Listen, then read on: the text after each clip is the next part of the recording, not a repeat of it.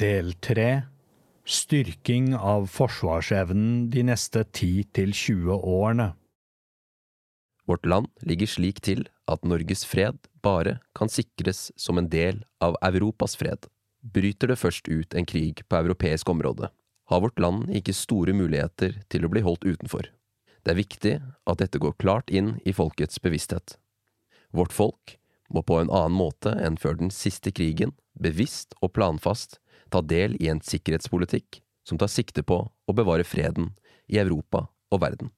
Forsvarskommisjonen av 1946 Forsvarskommisjonen av 1946 satte ord på et av Norges viktigste veivalg i det 20. århundre.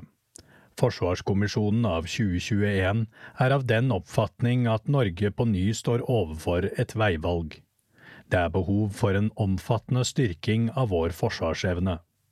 Styrkingen er av en slik størrelse at det vil ha store konsekvenser for nasjonale prioriteringer i mange år fremover.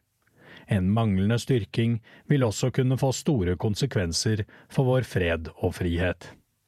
Det er tid for et bredt forsvarsforlik om forsvaret av Norge.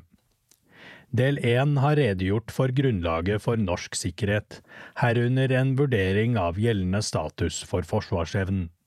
Samlet viser del én kommisjonens forståelse for hvordan det står til for forsvaret av Norge.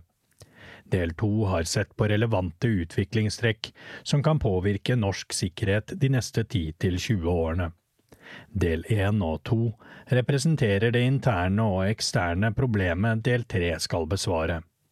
I del tre drøfter kommisjonen hvorfor og hvordan forsvarsevnen kan styrkes gjennom henholdsvis Forsvaret, det øvrige totalforsvaret, alliert og internasjonalt samarbeid og nasjonale grep innen styring og ledelse.